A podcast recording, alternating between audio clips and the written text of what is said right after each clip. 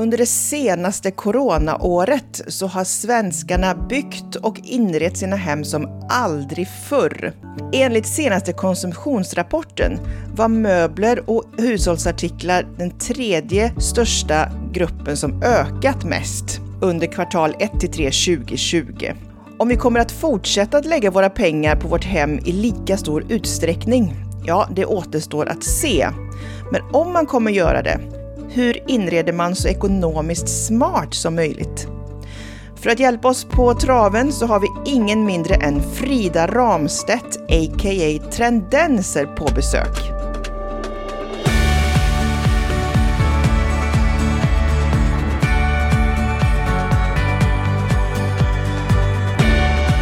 Varmt välkommen till Shoppa Lagom, Frida Ramstedt. Tack så mycket. Jag känner mig väldigt glad för att bli inbjuden till det här. Vad roligt att höra. För de som då eh, inte vet riktigt vem du är så driver du ju sedan 15 år tillbaka ungefär Nordens största design och inredningsblogg.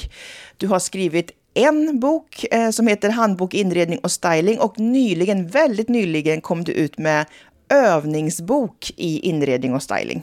Så du är också författare. Stämmer bra. Ja, alltså jag skulle gärna vilja tillägga att den här boken har sålt till 26 länder och eh, tryckts i 150 000 exemplar. Anledningen till att jag skrev den är just det som vi kommer att prata om idag, att jag vill vägleda de som följer mig och min blogg till att fatta eh, lite bättre beslut kring sina hem. Vad bra att höra, för det är precis det vi ska prata om. Men innan vi går in på det, kan vi inte bara prata lite om dig först? Vad var det som gjorde att du började den här bloggen 2006?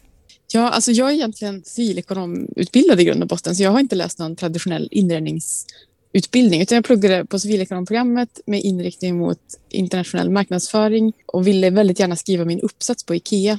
Så att jag startade bloggen var eh, ett sätt att lära mig mer om inredningsbranschen för att jag så småningom ville jobba med den som marknadsförare eller ekonom. Men sen mm. så växte ju hela den här sociala medievärlden och blev ett yrke i sig. Och I och med att jag hade hållit på så pass länge och byggt upp den här plattformen så tänkte jag att nu har jag ju chansen att starta eget och verkligen jobba med inredning. Så mm. sen tio år tillbaka så är det mitt heltidsjobb. Men inredning har alltid varit väldigt närvarande i vår familj. Jag är uppvuxen med en mamma och en mormor som var superintresserade av just möbelformgivning och den tidens eh, designer. Så vi var väldigt ofta och tittade på inredningsbutiker och de kunde nörda ner sig i, i stolarnas detaljer och konstruktion. Och så jag har det liksom hemifrån. Men jag, jag tycker det är väldigt spännande just att skapa rum och miljöer och platser som man trivs på, som talar till hela kroppen. Mm. Och eh, jag har ju läst den första boken, handboken. Mm. Och eh, det var ju som en ny värld som öppnades för mig. Jag som inte är så inne i hemredning då, men mm. det var ju väldigt hands-on och eh, konkreta tips på till exempel vilken vasgarderob man ska ha, hur man ska hänga gardinerna och så vidare. Ja, alltså jag skulle vara försiktig med att säga att man, man ska ha, men man kan ha. Man kan ha. Anledningen till att jag skrev den boken var för att jag saknade den själv. Jag flyttade till ett eh, vanligt hus kan man säga och jag tycker att väldigt mycket av den inredningsinspiration vi ser idag är eh, fokuserad på utopiska lägenheter och, och bostäder som väldigt få har. Mm. Och man kan läsa de här, den här boken då som ger tips på symmetri och balans och harmonisk komposition. Beroende på var man själv kommer ifrån så kan man applicera det i sin egen vardag. Mm. tanken är inte att det ska vara bara för dem som gillar samma saker som mig, utan att man ska kunna ha glädje av den oavsett vilken stil man har. Men jag vill inte ta åt mig äran till att det är liksom tendenser-metoden eller att det är någonting som jag förespråkar, utan det är liksom sånt som inredare och stylister jobbar med dagligen, som jag har försökt översätta på ett språk så att man kan förstå det, även om det inte är ens yrke, mm. för att just trivas bättre hemma. Men övergripande så bloggen har ju varit mitt, min motorväg brukar jag säga. Det är därifrån alla jobb kommer, alla uppdrag dyker upp. Men yrket som influencer har ju förändrats väldigt mycket över tid och nu jobbar jag för att eh, skapa en ny plattform. Mm -hmm. ett, mhm. ett, nytt sätt att kommunicera kring inredning och som jag också då tycker saknas. Och det håller jag på att bygga på och snickra på i kulisserna. Men okay. det är mer som ett långsiktigt arbete. Ja, men, Eh, det, det dockar ju an i, i böckerna och både då i huvudboken som är mer en liksom, teoretisk referensram och sen övningsböckerna då, som kommer nu den första släpps ju nu här i, i slutet på mars. Det är ju ett, ett, ett sätt att försöka förändra hur vi konsumerar och framförallt ser på våra hem.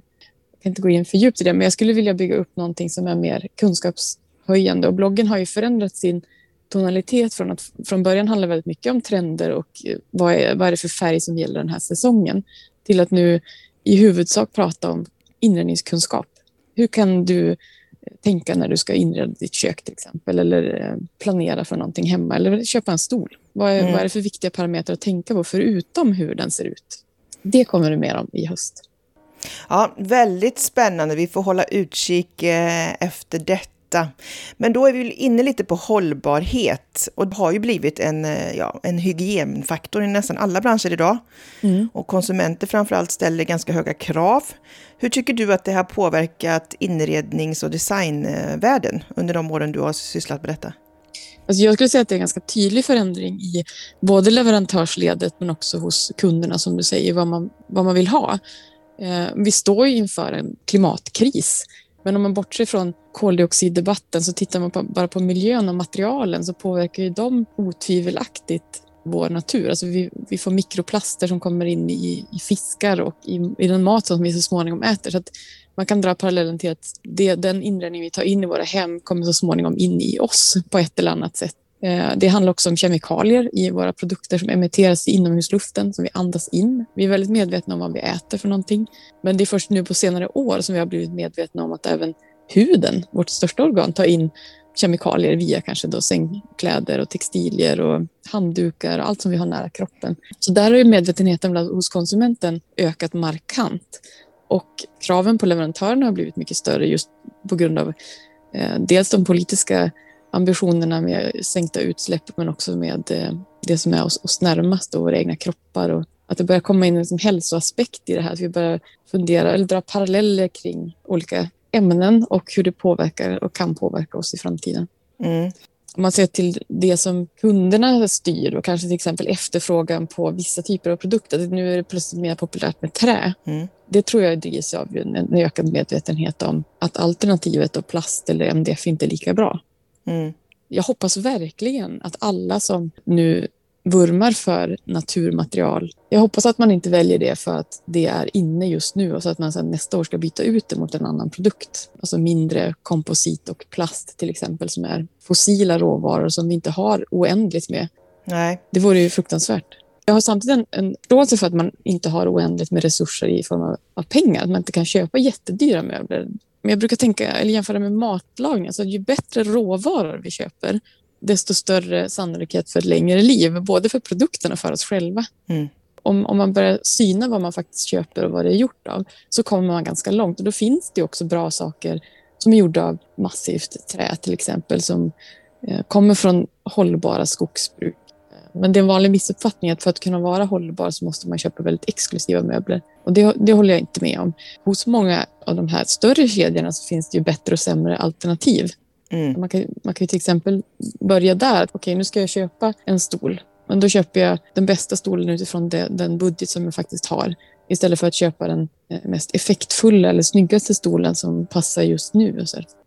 Just det. Eh, men sen är det klart, second hand är ju också viktigt. Men det jag kan uppleva vi får ju inte hamna i det läget att mm. börjar vi köpa saker som är second hand i termer av ett eller två år, då är vi ju fortfarande och skrapa på ytan kring problemet.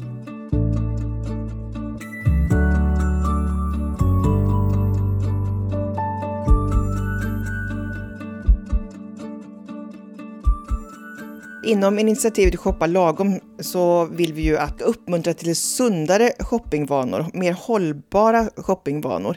Går det att inreda då på en, på en väldigt tajt budget? Det man eh, ska börja med att fundera på det är vad man har för behov. Alltså vad, vilka aktiviteter utför jag i mitt hem? Och vilka lösningar behöver jag förse mig själv med. Ibland så kan man ju fastna i de här gamla konventionerna att ja, men det ska finnas en stor soffa till exempel, eller man ska ha ett stort matbord. Men om man inte är en person som tittar mycket på tv utan man kanske snarare är en person som läser böcker, men då kanske man behöver möblera på ett annat sätt. Eh, inte ha stora middagsbjudningar hemma. finns det ju en anledning att ha sittplatser för åtta personer om det nu bara är en gång per år. Och sen så lägger man pengarna på det som man faktiskt nyttjar mest. Och då skulle jag säga att eh, sängen är jätteviktig. Eh, men sovrummet har ju i undersökningen visat sig vara det vi lägger minst energi på. Där skulle jag lägga en, en stor del om man skulle fördela min budget. Och sen att köpa så bra råvaror som möjligt. För att köper man till exempel möbler som är gjorda av massivt trä så har man möjlighet att slipa dem och, och skulle någon, man få ett hack i skivan så kan man ju då ta hand om den möbeln så att den har ett längre liv. Och då inte bara titta på prislappen när man köper möbeln utan också per användning. För det blir ju eh, oftast dyrare att köpa något som då inte går att laga eller reparera. Men sen också då att köpa möbler som är anpassade för den eh, bostad som man bor i. Man kanske har med sig ett möblemang från något ställe och så, så kanske inte riktigt passar in. Har man köpt ett bra, en bra råvara så har det oftast en bra andrahandsvärde. Alltså man kan köpa eller sälja det på, på Blocket. Och man kan också titta på ja, andrahandsmarknaden om det finns en, en, en, möbel som passar bättre för de förutsättningar man har. Så att man liksom möblerar för bostadens storlek och volym. Mm. Och man, man, jag tidigt i livet till exempel flyttade till en mindre lägenhet men man vet att den här saken skulle jag vilja jag vill, jag vill köpa något som jag har med mig länge. Eh, så kan man titta efter något som inredare kallar för bagageinredning. Alltså sånt som får plats i bagageutrymmet på en bil. brukar oftast följa med en hela livet. Från att man bor i studentlägenhet till att man kanske bor på ett äldreboende. För att det är inte en soffa som är anpassad för just den typen av bostad som du har just nu. Utan en lampa kan få följa med över en längre tid. Ja, just det. En, en kameleont som kan följa med dig över, över tid. Mm. Men tillbaka till budgetfrågan. Det är också så svårt om man inte vet vad, vad man har för pengar att röra sig med. Men att alltid försöka köpa det bästa man kan utifrån de, de medel man har. Så beroende på vad man har för stil då, så kan man göra ganska bra fynd på second hand-marknaden till exempel om man lär sig lite mer om, om den typ av formgivning man är intresserad av. Och kan läsa på lite grann om. Alltså för om man vill göra en investering i inredning så, så är det ju det att man vill att den ska vara värd någonting även i framtiden. Och då är ju vad den är tillverkad av och vem som har ritat den och vilken, vilken form den har, alltså vilken verkshöjd möbeln har, är ganska viktigt. Att den håller över tid.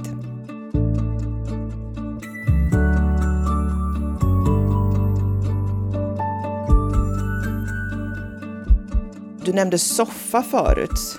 Mm. Vad är det man ska kolla på där? Alltså en soffa är en ganska komplex möbel. Så det finns ju flera lager. Det finns liksom inte ett rakt svar. Men att granska vad är soffan gjord av? Och vad finns det för möjligheter för mig att kanske byta klädsel? För det är väl det som slits först. Kan jag tvätta klädseln överhuvudtaget? Det kan vara en, en fråga som behöver ställas eh, så att inte den tappar sitt förbrukningsvärde av sådana anledningar. Det finns ju vissa skydd till exempel på de ställen på soffan som slits mest. På samma sätt som en tröja slits i armbågarna slits ju ofta en soffa på armstöden. Och det kan vara så att man behöver ha hitta en modell som går att vända på dynorna så att de håller sin eh, stuns bättre. För om man bara sitter åt ett håll och trycker ner eh, soffans eh, kuddar, då kommer de ju till slut tappa formen. Så mm. det kan vara sådana konstruktionstekniska frågor som gör att en soffa sannolikt kommer att hålla längre eller hålla sig fräsch längre än en annan. Mm. Och sen att inte gå för de här, om man inte är 110 procent säker på att jag kommer älska den här superskrikiga färgen under hela mitt liv, så kanske man kan fundera på om man går för lite mer neutrala val på de här möblerna som inte kan bytas så ofta. Och sen istället köper de här effektfulla detaljerna i sånt som en prydnadskudde har.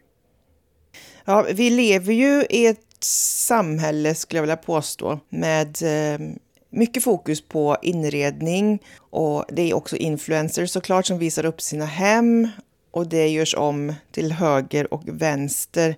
Men hur tycker du att man ska tänka kring detta om man nu säger att man är kanske 25, har precis börjat tjäna pengar och man blir influerad av Bianca Ingrosso till exempel? jag vill inte säga att man ska sluta titta på vad andra gör. eller att det finns mycket att lära sig av andras eh, lösningar och, och, hem. Men jag hörde ett begrepp häromdagen som var ganska roligt. När det kommer till mat så pratar vi om att man måste göra en detox då och då. Och att man skulle göra en cetox. Vad tittar du på egentligen? Tittar du på varje dag? Och vad låter du påverka dig? Vad har du för diet när det kommer till dina visuella intryck? Det var väldigt bra. Eh, det finns väldigt många fördelar med internet och sociala medier och den här otroliga tillgången till information som är idag. Men det finns en fara om vi inte har förankrat det i oss själva så att vi vet vad vi tycker om. Eh, då är man ju väldigt lätt påverkad. Men om man, om man gör, den här övningsboken som jag släpper nu handlar om att man ska gå, gå in i sig själv. Att också fundera på vad har jag för färgreferenser? Alltså istället för att titta på andras färgkoder, har jag några positiva minnen från en viss färg från min barndom eller från ett hotell jag har bott på eller någon plats som får mig, alltså som triggar positiva minnen i mig. Så det är ju betydligt bättre att gå för den typen av kulör än vad Bianca Ingrosso har valt för köksluckor. Jag tror att en anledning till att vi byter ut saker så ofta är att vi hinner liksom aldrig vi hinner aldrig knyta an till de saker vi köper för att vi snabbt kommer till ett beslut för att vi, någon annan har gett oss ett tips. Men om vi, om vi verkligen, och det är inget fel att låta andra tipsa, men om man liksom tar ett ordentligt varv och man verkligen funderar på hur mår jag i mitt hem? Vad mår jag bäst av? Vad trivs jag med? Ja, men då kanske det visar sig att Bianca Ingrossos färg matchar med det du verkligen gillar. Eller så inser att nej, men jag har egentligen ganska svårt för den här typen av även om det nu är supertrendigt med något specifikt material så kanske jag inte har några positiva känslor kring det. Då kan jag bli lätt, lätt för mig att välja bort och välja till på ett sätt som gör att det håller, det håller längre. Så bli medveten om vad ni tittar på. För att, alltså, jag, jag faller ju också man, man, Det finns ju så fantastiskt mycket vackert att se. Verkligen. Men man behöver inte heller ha allting. Alltså, det är också någonstans där, fundera på sina verkliga behov och begär. Och om jag nu känner ett sånt behov att det kliar i mig, måste göra nytt hela tiden, vad beror det på då? Mm. Är det verkligen inredningen som skaver eller någonting annat? Eh, men jag tänker kring det här du sa att man ska gå in i sig själv och eh, hitta vad man själv på riktigt gillar. Ibland så pratar man ju om moodboards och så. Är det någonting som du eh, rekommenderar?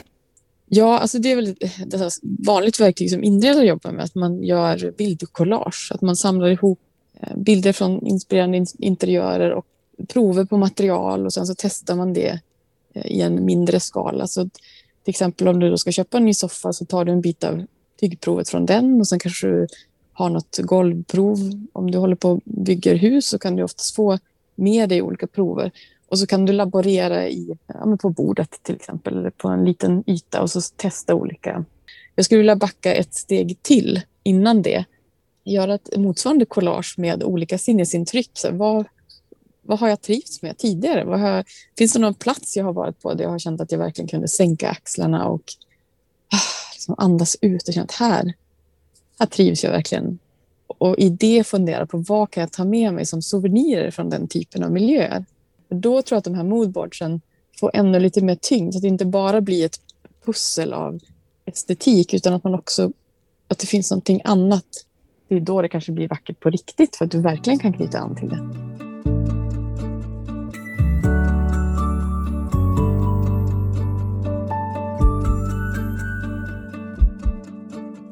Nu har vi pratat lite om eh, det här med hållbarhet och sådär, men generellt då, vad skulle du säga är de absolut vanligaste misstagen som vi gör när det kommer till pengar med inredning? Ja, alltså vår generation har ju en tendens att söka efter maximum flash for minimum cash, som mm. något uttryck säger. Jag tycker det är ganska talande för att vi vill få ganska mycket effekt för pengarna, så att vi är mer fokuserade på, på det än på, på våra egna verkliga behov och vår egna njutning av det hela, så att säga. Det, det har också varit en tendens under lång tid nu att man köper produkter som som renommésnyltar på designklassiker men som kanske alltså som aktivt är en kopia. Mm. Eh, och då det. faller det tillbaka till det vi pratade om verkshöjd. Alltså en möbels konstruktion är ju en del av formgivningen. Så om du köper till exempel en, en stol som ser ut att vara Wegners Y-stol som är jättepopulär. Mm. Men du köper en, en kopia som är producerad i, eh, för att efterlikna den men som inte har då använt samma teknik för att ta fram, då har du inte den här mjuka rundningen i träet och du får inte den här, den här hållfastheten i stolen för att de har tagit de finaste filéerna från träet och gjort en stol som ska hålla för tryck och för sittkomfort och så vidare. Sittvinkeln är uträknad med liksom precision. Mm. Och sen så köper du en stol som bara på håll ska se ut som den. Då får du en helt annan produkt. Och det mm. skulle jag säga, det, det är nog ett vanligt misstag som som görs när man frestas av de här ganska dyra interiörerna som far runt på internet och sen så vill man, ja, man vill ha något liknande. Solen är vacker, det är en drivande faktor, men det är också att den är bekväm som är det viktiga. Men den här trenden eh, att hyra saker då, eh, det har ju även kommit in på möbler nu och man kan hyra in och så lämnar man tillbaka. Vad, vad tycker ja. du om det? Det tycker jag är jättespännande för det finns så många faser i livet som vi vet är just faser. Alltså, små barn hemma, man vet att de kommer växa ur den här sängen. Då kanske jag kan hyra en spjälsäng, kanske inte behöver äga en spjälsäng. Ja, men du, du bor i en studentlägenhet, du vet att du kommer inte bo här för alltid. Du behöver inte köpa möblerna. Jag kanske kan lisa dem under den period som jag ska bo här. Medan alltså andra saker då, då kan du frigöra resurser och pengar för det man verkligen vill kunna ta med sig. Då, kan du, då har du mer resurser att lägga på en riktigt, riktigt bra säng. Mm. Jag tror vi säkert kommer få se, se, mer av den tjänsten, eller hur man nu ska mm. uttrycka sig. Jag fastnar för två stycken saker i din bok. Mm. Dels eh, investeringsstrategier, det är ett exempel. Och sen en modell som heter prioriteringsprincipen. Men jag tänker vi börjar med investeringsstrategier, där du ger lite exempel. Har du boken framför dig så du vet vad jag ja, pratar jag, om? Ja, jag har den framför mig. Ja. Det är väldigt roligt att få prata om det här, för det är ingen annan som har frågat mig om de här jag har gjort en tabell på sidan 205 som handlar om vad jag tycker att man ska välja istället för att eh, och varför. Mm. Så trä som jag varit inne på då, som ett exempel, då tycker jag att man i största möjligaste grad ska välja massivt trä. Eller det finns vissa konstruktionstekniska situationer där det är bättre med en faner till exempel på bordskivor för att de inte ska slå sig. Men ett, ett bra trämaterial istället för en spånskiva eller en MDF-möbel för de kommer du inte kunna reparera på samma sätt. Så får du ett hack i en MDF-möbel då är den ju förbrukad, alltså då har du knäckt den här ytan och då kan du inte längre, eh, du kan, inte, du kan säkert lappa och laga men det kommer inte bli lika bra som det var innan. Men alltså en trämöbel då kan du till exempel svälla upp ett hack. Man kokar vatten och häller på ett hack i trä så kan fibrerna resa sig igen och man kan slipa och och få tillbaka. Man kan olja och ytbehandla så att den kanske blir till och med ännu vackrare än vad den var innan. Så det är ett sådant exempel. Mm. Ett material som jag funderar på, mm. för det har ju kommit alternativ till till exempel eh, marmorbänkskivor som är ganska dyra, så mm. finns det ju någon slags eh, kompositmaterial som ser något sånär likt ut marmor, eller i varje fall någon blandning mellan marmor och sten. Vad tycker du om det?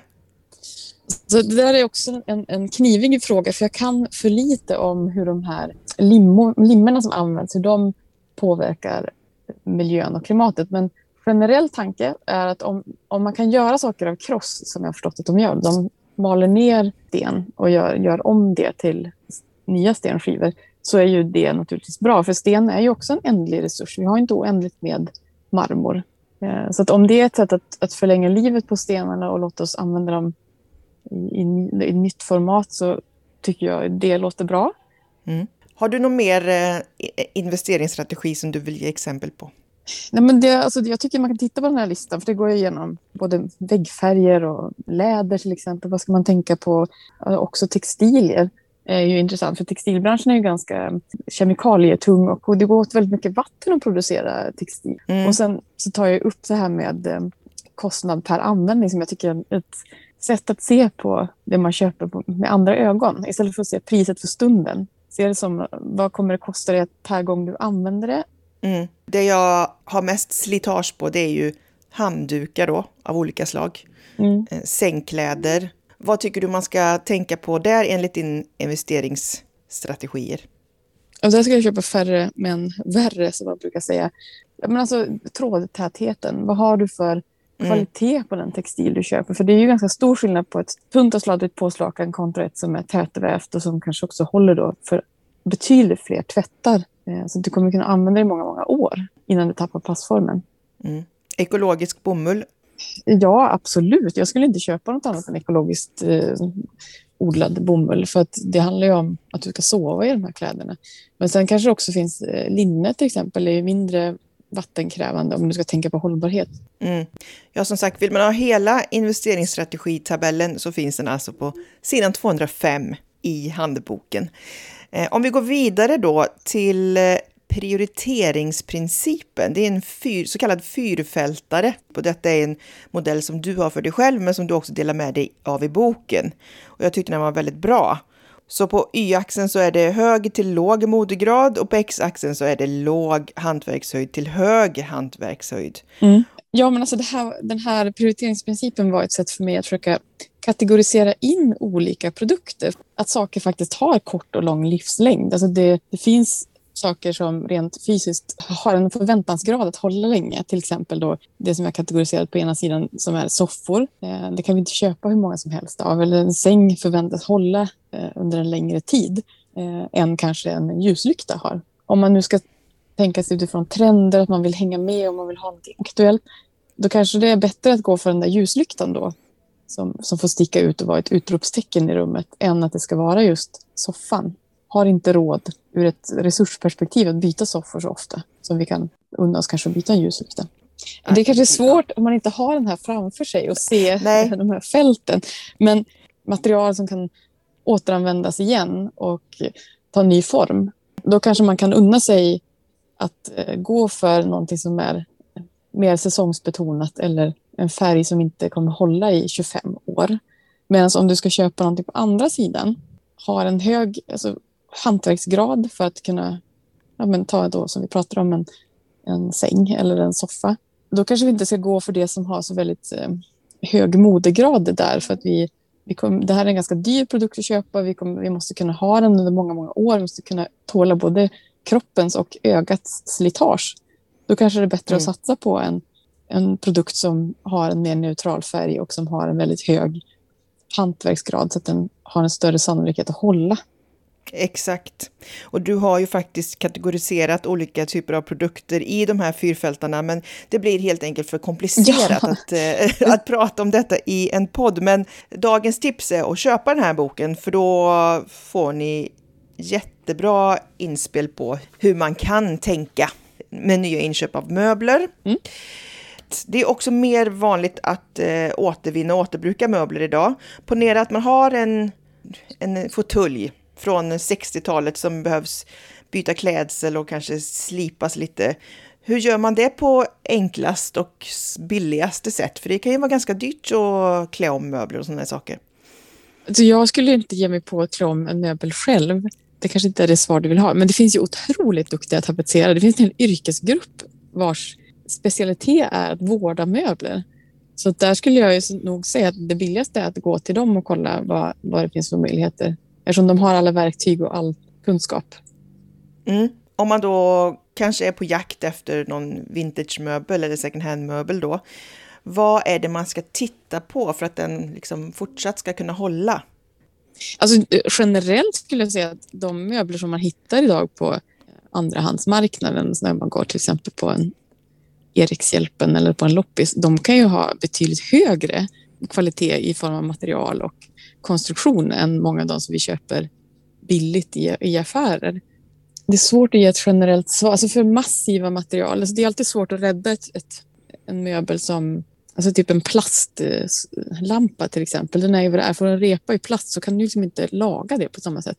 Mm. Men, men solida material då helt enkelt. Ser du någon tidsperiod på möbler generellt som du tror kommer hålla längst i tid? Oh, vilken intressant fråga. Alltså jag, absolut finns det ju såklart olika strömningar. Jag skulle säga att plastmöbler som man såg där på när, när, när det blev väldigt populärt att använda plast, de har ju eh, inte kanske lika lång eh, livslängd för att plasten med tiden ändrar karaktär. Den blir liksom hårdare och spricker. Eller... För det jag skulle vilja komma till är väl att man kan inte ge ett generellt svar. Det beror liksom på vilken stil man gillar. Man ska läsa in sig mm. på... Eh, alltså, I boken så beskriver jag olika hustyper. Mm. För att jag tänker att jag vill koppla ihop utsidan med insidan. För ofta när man jobbar som inredare så kommer en kund med en planskiss och så vill de direkt gå på lösningen. Så här, hur ska jag lösa mitt vardagsrum? Börja med att fundera på vad, när är den bostad jag bor i nu faktiskt byggd och vilken stilepok hör den till? Finns det något jag kan lära mig mer om från den tiden? Eh, och då gjorde jag en tidslinje där jag tillsammans med två arkitekter då fick hjälp att liksom spesa upp olika material och detaljer och tapeter och trycken och färgsättningar som var populära på den tiden. Man kan hitta jättemycket inspiration i huskonstruktionen till vilka möbler som passar till den planlösningen eller och flörta med husets karaktär. Byggt 2007 men det, det har hämtat sin inspiration i funkis. Vad kan jag hitta på, från funktionalismen på 30-talet som jag kan läsa in mig på när jag sen ska gå och kolla på andrahandsmarknaden? Då får man liksom mm. någonting att navigera efter. Det är en jättebra vägvisare ju. Jag tycker Elsa Billgren har ett jättebra perspektiv på det. Hon brukar ha loppisledord. Och då kan det vara allt ifrån en film eller det kan vara en nutida butik som vars estetik hon gillar. Eh, så ställer hon in sina här glasögon på det. Att hon går in på loppisen och letar efter specifikt den känslan, det temat. Och då tror jag mm. man blir lite vassare i vad man söker. För, för står du för en hylla med hundratals produkter, det, det är svårt att se skogen för alla träd. Så du blir, blir förvirrad, det blir övermäktigt. Och så tänker jag att man kan tänka även med möbler då. Ja, jättebra tips. Ja, och även om man bor i en eh, lägenhet så, ja, dels fundera på vad man själv verkligen går igång på, men också alla lägenheter är ju byggda någon tidpunkt. Absolut. Jag skulle tipsa på ett Instagramkonto som heter Renoveringsraseriet. Det låter ju radikalt, men superintressant för den som är intresserad av arkitektur kring flerbostadshus. Äldre lägenheter till eh, eh, bostadshus som är byggda på 50-talet, 60-talet och hjälper till att se detaljer och karaktäristiska delar från balkonger eller fönster. Alltså sånt här, som gör att man lär sig väldigt mycket mer om fastigheterna.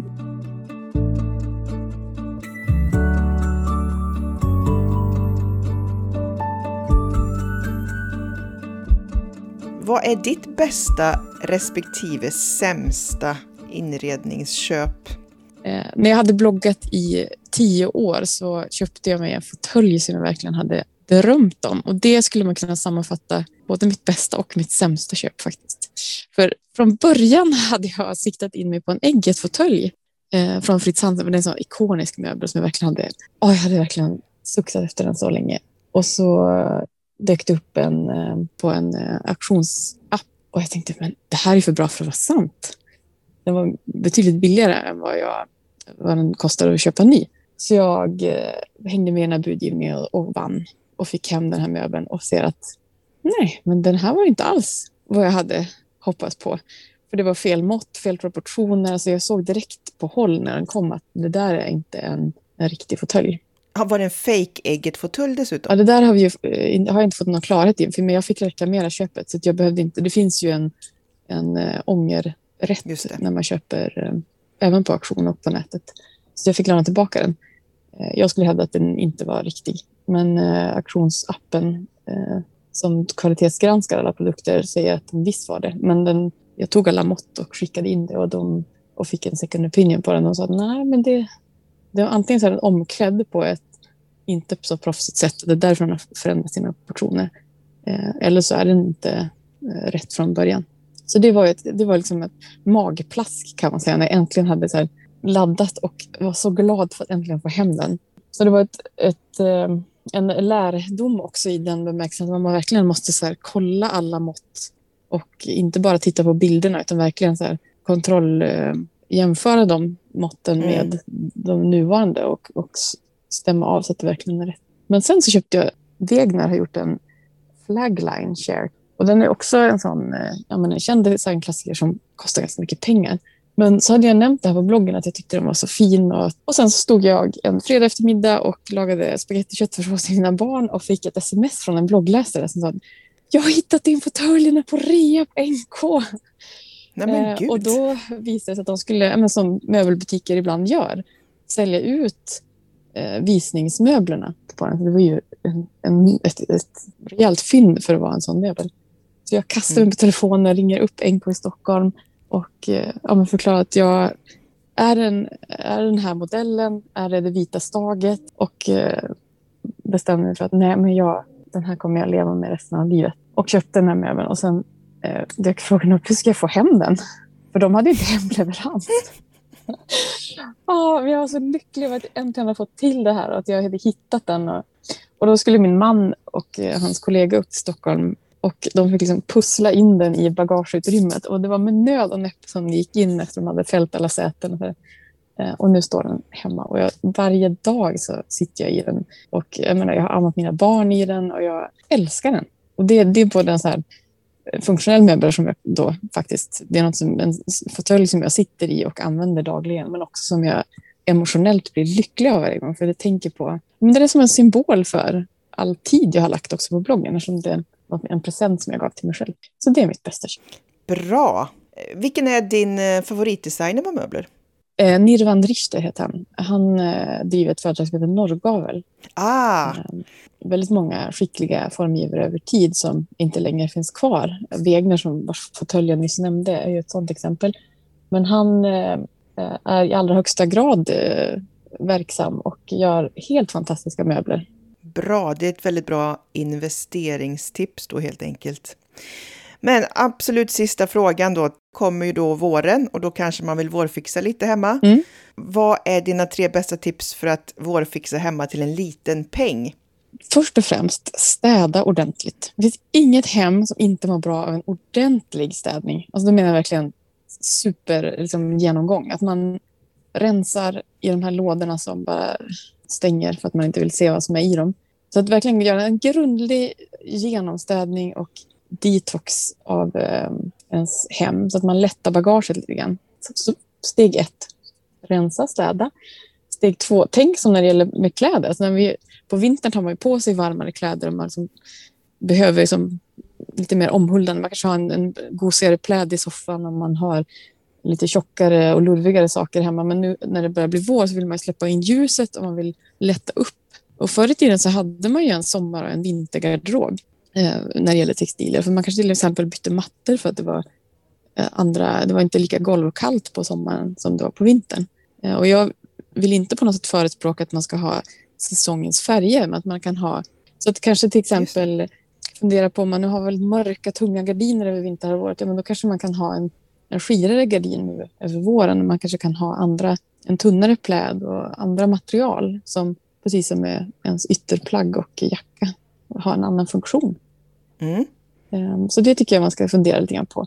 Och sen som tips nummer tre, finns det någonting man längtar efter så mycket nu som spirande grönska? Om man inte är allergisk, ta in några kvistar utifrån. Ta in någonting som kan få slå ut några kvistar i en vas eller någonting som tilltalar en, inte bara i vardagsrummet. Det kan vara att man har en kvist, en liten enkel glasvas i en hylla i badrummet eller på sängbordet också. Superbra Frida! Jag kommer eh, använda i vart fall eh, två av tre. Det här med att städa jättenoga. Det får vi fundera på lite. Det är det billigaste man kan ge sig själv, en storstädning. För den kostar ju bara en investerad tid. Ja, men jag vill Tackar tacka så hemskt mycket Frida för att du var med och dig kan man ju givetvis följa då på bloggen Trendenser och på Instagram. Boken som finns ute nu, handboken, vart kan man få tag i den?